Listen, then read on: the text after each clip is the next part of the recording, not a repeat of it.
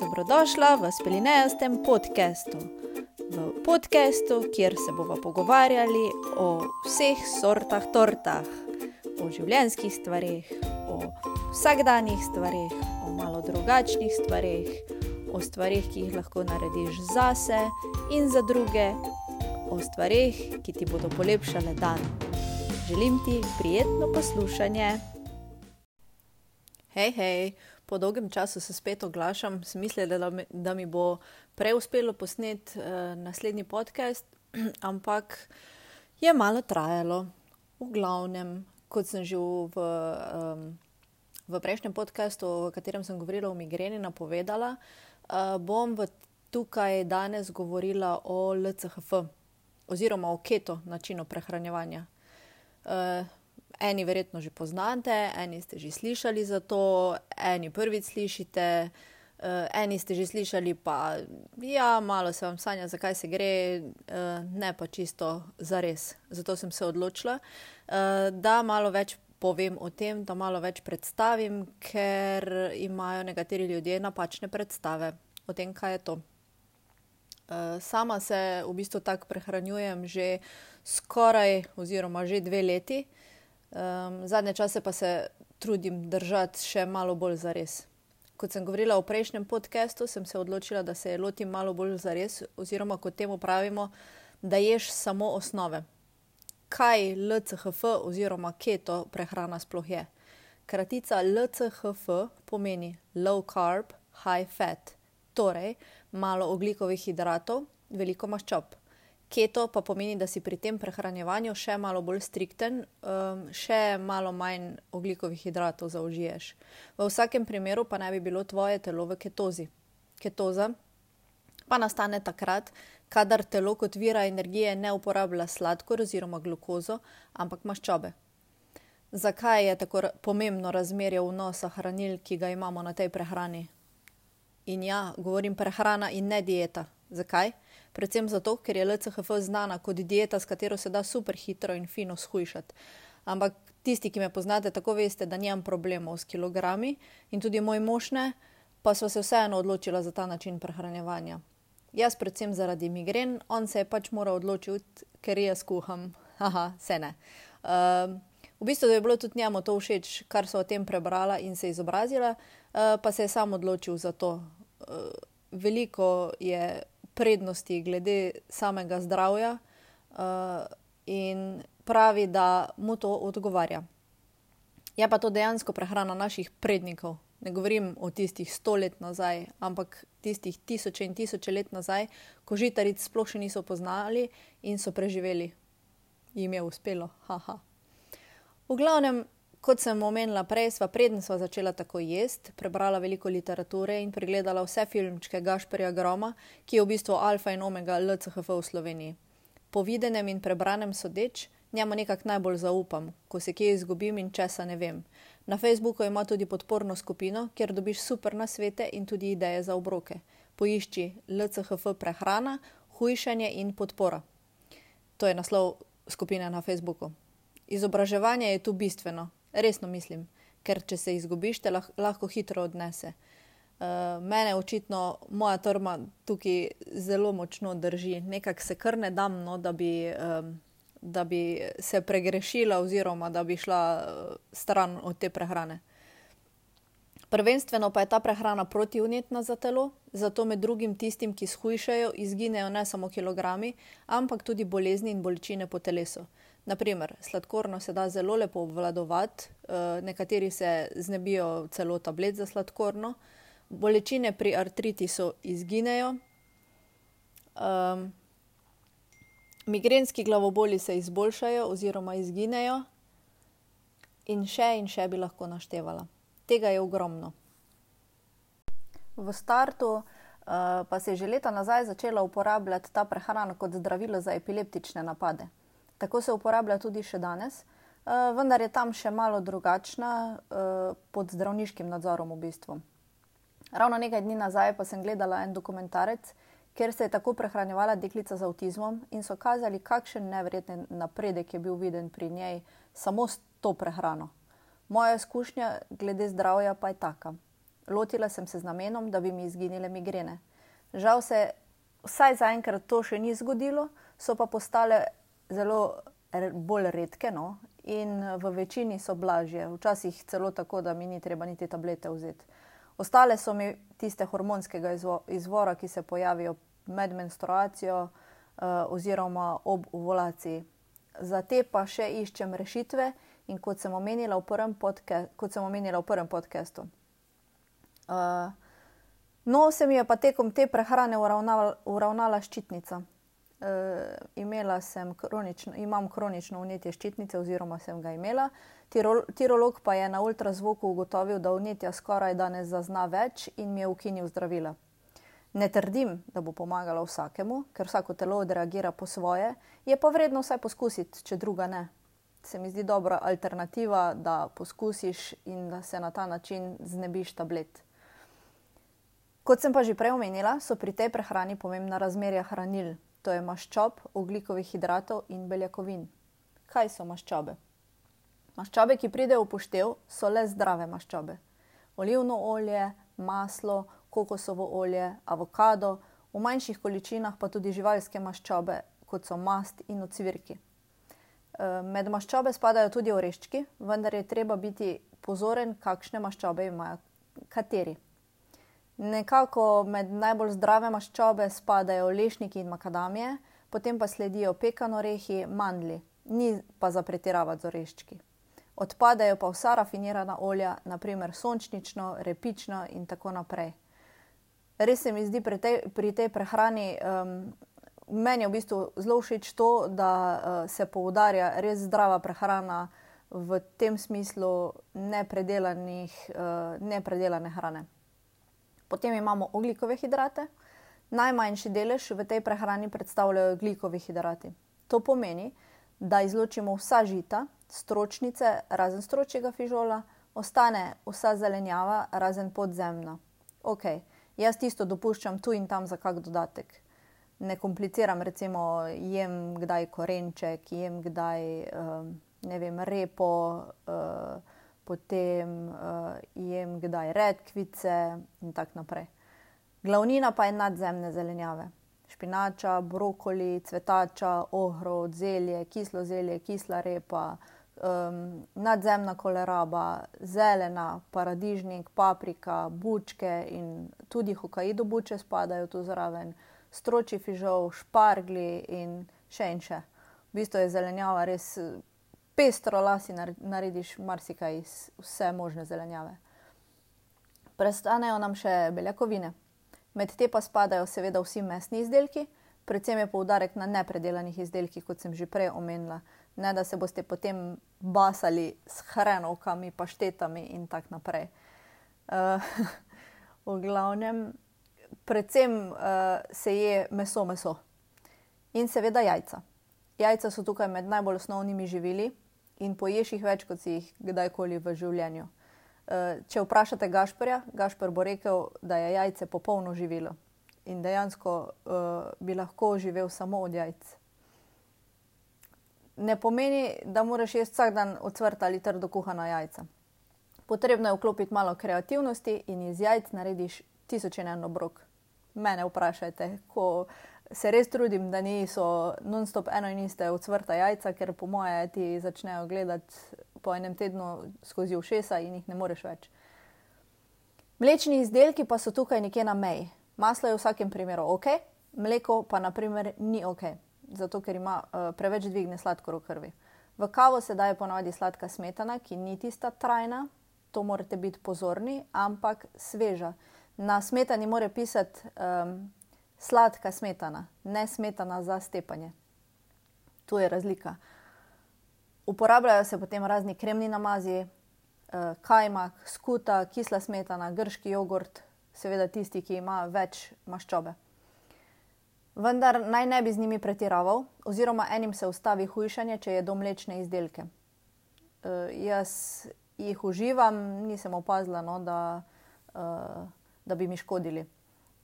Si pa dajem v kavo včasih sladko smetano, včasih pa si kupim mandljevo mleko brez, brez sladkorja. Kaj pa čokolada? Ok, jaz nisem čokoholik in je v resnici ne pogrešam. Uh, je pa dovoljena, kdaj pa kdaj, ampak tista z največjim deležem kakava, naprimer 85% ali več. Razmerja, tu pa so, uh, moraš biti res pozoren na razmerja, kako ješ. Pravila so taka, da bi naj bilo razmerje nekje 5 proti 20 proti 75. To pomeni 5% ugljikovih hidratov, 20% beljakovin in 75% maščob oziroma odstotkov, če, pravi, če hočemo pravilno povedati. Jep, maščob je kar nekaj, kar je bistvo te prehrane. Malo ugljikovih in veliko maščob. Treba je biti pozoren tudi pri beljakovinah. Telo potrebuje približno 1 gram beljakovin na kilogram telesne mase, ampak 1 gram beljakovin ni enako, naprimer, 1 gram mesa. Če moraš zaužiti naprimer 1700 kalorij, je potem pravilno razmerje 21 gramov ugljikovih hidratov, 85 gramov beljakovin in 142 gramov maščob. Na začetku si je fino malo preračunati in spremljati, kaj in koliko poješ, potem pa dobiš občutek in samo ješ in uživaš. To so, zdaj sem vam povedala, v bistvu osnove, ki jih mora poznati vsak, ki se odloči tako jesti. Um, lahko se zgodi, da ne boš lačna uh, pri tej prehrani, ampak sploh za ženske je pomembno, da jemo tri obroke na dan. Gremo naprej. Stranski učinki? Ja, seveda tudi obstajajo.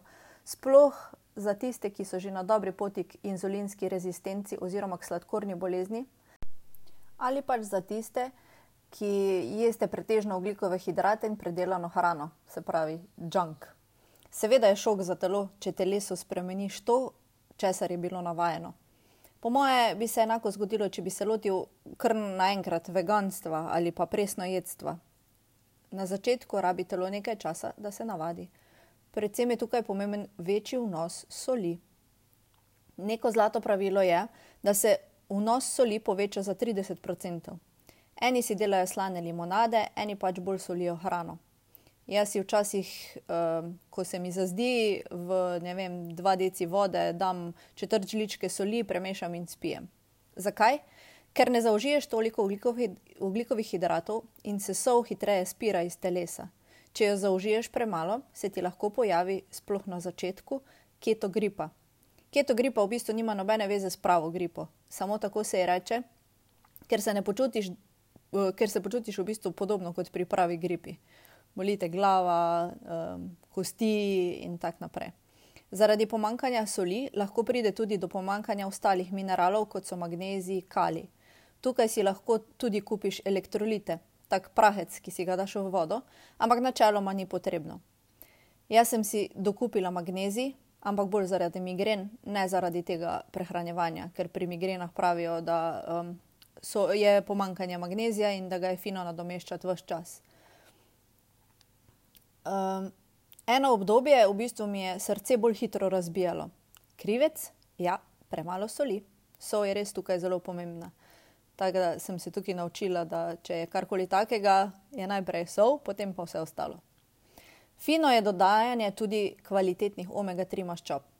Tukaj jaz ne bom pametna, ker je na trgu toliko zadev in v resnici nimam pojma, katere so tiste čisto ta prave. Jaz si kupim enkrat ene, drugič druge in upam, da so dovolj kvalitetne. Uh, jaz sem imela v bistvu po eni strani vse žive možne uh, stranske učinke, ampak so minili, vse so minile. No. In meni so po nekaj mesecih, recimo 4-5 mesecih, začeli noro izpadati lasje. Baje nisem edina, tudi to se lahko zgodi. Izpadali so mi nekje dva meseca kot pri norcih, tako da me je že kar mal strah bilo, ampak potem se je kar naenkrat ustavilo in zraslo mi je noro, noro mladih las. Um, moram preveriti, če je kaj manj sivih, zdaj, če so sivi tudi izpadli. v glavnem, to so taki stranski učinki, ki te lahko doletijo, ni pa nujno. Uh, res je pomembno kot sem že prej omenila, količina obrokov. Ker pri tej prehrani praviloma nisi preveč lačen in se hitro zna zgoditi, da imaš samo en ali dva obroka na dan. kar pa na, za nas ženske ni ok, ker lahko hitro vpliva na hormone in naprimer nehaš hujšati, če se ti zmeša menstrualni cikel in podobno. Uh, tudi več stranskih učinkov lahko imaš zaradi naprimer pomankanja beljakovin. Pomembno je, da si beljakovine razporediš uh, čez tri obroke in ne zdaj, da boš v enem obroku zaužila celo količino beljakovin, ki jo moraš zaužiti v dnevu. Nekateri se srečujejo z zaprtjem. Telo se na, prilagaja na drugo obliko prehrane in če imaš probleme z zaprtjem, ponavadi pomaga magnezij, sploh magnezijev citrat. No, jaz sem v bistvu po magnezijevem citratu dobila odprtje, ne zaprtje, in sem rabila kar nekaj časa, da sem ugotovila, v čem je problem. Zdaj sem našla en drug magnezij, ki mi ne povzroča teh problemov. Skratka, treba se je lotiti premišljeno in celostno. Uh, ni pa za vsako stvar, ki te doleti, kriva sprememba prehrane. Treba je biti pozoren, če je zdravo je v kakem drugem smislu, ki je ne štima, ni potem vse kriva prehrana. Ok, kaj pa posladki za tiste, ki ste sladkosnedni? Gašpr Grom pravi, da naj bi se držal osnovnih živil vsaj nekje dva meseca, da se telo odvadi stare prehrane in da se resetira in sladkorja sploh. Potem pa lahko kako stvar izven osnovnih živil. Tu pa pride na vrsto hm, njegova žena Staša, ki pa nas pridno zalaga z recepti za sladkanje ok, zdaj bom že kar tu povedala, jaz sem fenica Gašperja in Staše in njune skupine uh, na Facebooku in njune spletne strani. Spremljam jo že res od čistega začetka, uh, pa nekako jim res najbolj zaupam, kar se tiče znanja okrog tega. Skratka, Staša, Staša ima uh, na uh, spletu spletno stran Stašina Fit Kuhna. Uh, Ja, zalaga nas z recepti za sladkanje. Uh, in s, uh, sladic pri LCHF je mali milijon. Lahko si spečeš palačinke, šmorn, spečeš si krofe in takšne in drugačne torte, in občasno, itak da pa še pojesti tudi kaj sladkega, čeprav sladkanega z eritritolom, ki pa ga telo ne prebavlja in ga izloči, kot da nisi pojedel nič. Skratka, Eritritol je sladkorni alkohol, ki pa ne dvigne sladkorja v krvi. Samo možganom v bistvu pove, da si zaužil nekaj sladkega. Sama res uživam v kuhinji, tisti ki, tisti, ki me poznate, tako veste, da kar naprej nekaj packam in kuham in eksperimentiram. Zato so mi uh, ti LCHF recepti v pravi izziv in sem vesela, ko mi uspejo, naprimer, skutini cmoki, uh, skuto, kokosovo in mandljevo moko ali pa ko naredim čokoladno rolado s smetano, uh, brez moke, seveda. Za rojstni dan pa staši na Kinder Pingui torto. Recept, recepte, kot sem že prej omenila, najdeš na Stašina Fit Kuhinja oziroma na njeni Facebook skupini LCHF Sladice Stašino Fit Kuhinjo. Jaz moram povedati, da sem po dveh letih že toliko uh, kako bi rekla, temu samozavestna, da uh, veliko stvari delam kar na pamet, že brez receptov. Že imam tisti občutek, koliko katere moke dodati, uh, kaj je fino, kaj ne. Se potem navadiš, tako si bil prej navaden na ono pšenično ali papirjeno moko, tako se pa tudi navadiš na te moke, kakšno razmerje dodajati. Kaj pa kruh?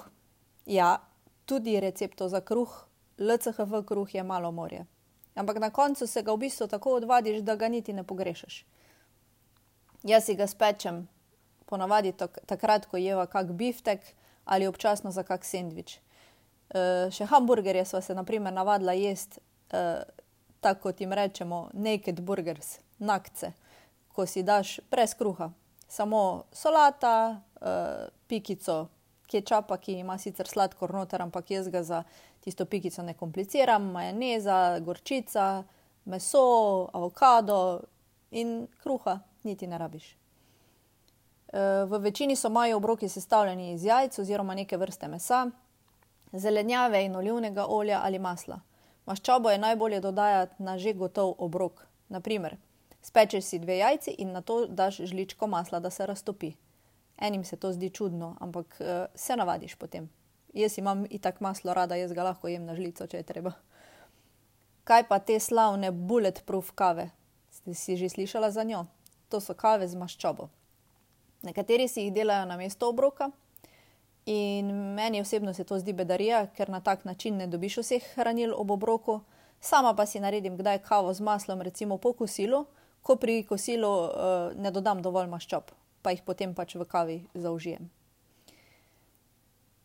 To je v bistvu na nek način uh, vse, vse seveda ni. Jaz sem povedala nekaj res tiste osnove.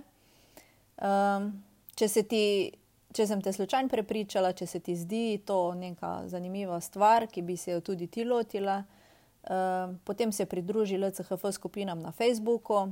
Nujno, poglej Gašperjeve videoposnetke, uh, kjer on vse v bistvu še bolj podrobno razloži, ali pa članke na, na njihovi spletni strani LCHF-love. Lahko pa si prebereš tudi gromove knjige, Bemo Mast 1, 2 in 3. E, jaz sem prebrala tudi knjigo od Anite Šupe, Resnice in laži o hrani. Dobra pa je tudi Požgani možgani, avtor David Perlmutter. Veliko literature dobiš tudi na internetu, itak. To je zdaj uh, za ene modna muha in se mi zdi, da američani so naredili že prav, um, kako bi temu rekel, sodobno LCHF prehrano z vsem možnim junk foodom in z vsem, kar pa na koncu koncev ni bistvo te prehrane. Zelo se je skomercializirala ta dieta in je treba biti res pozoren, kaj in kje kupiš in da večina kupljenih stvari, ki se promovirajo kot LCHF, niso take, kot se zdijo, oziroma so neki približki. Um, kot pri tudi vseh drugih prehranah in kakšnih uh, dietah na kako drugo hrano, je bistvo izobraževanje in branje deklaracij. Tu je ključ do uspeha. Poglejte, koliko ugljikovih hidratov vseboje, ne vem, 100 gramov nekega izdelka in hitro vam bo jasno, kako in kaj. Um, bodite pozorni potem tudi na uh, razmerje hranil in to je to. Recepti, je koga premamilo? Si želiš, da objavim še kak podcast v zvezi s hrano in recepti? Na mojem Instagram profilu Spelineja in tudi na mojem Facebooku Špela Poljanšek v storije in na zid eh, skoraj vsakodnevno objavim kako fotko obroka ker mi je to užitek in preprosto uh, mi je super, če koga še navdušim, če dom, dam komu še kakšno fino idejo za kaj dobrega skuhati.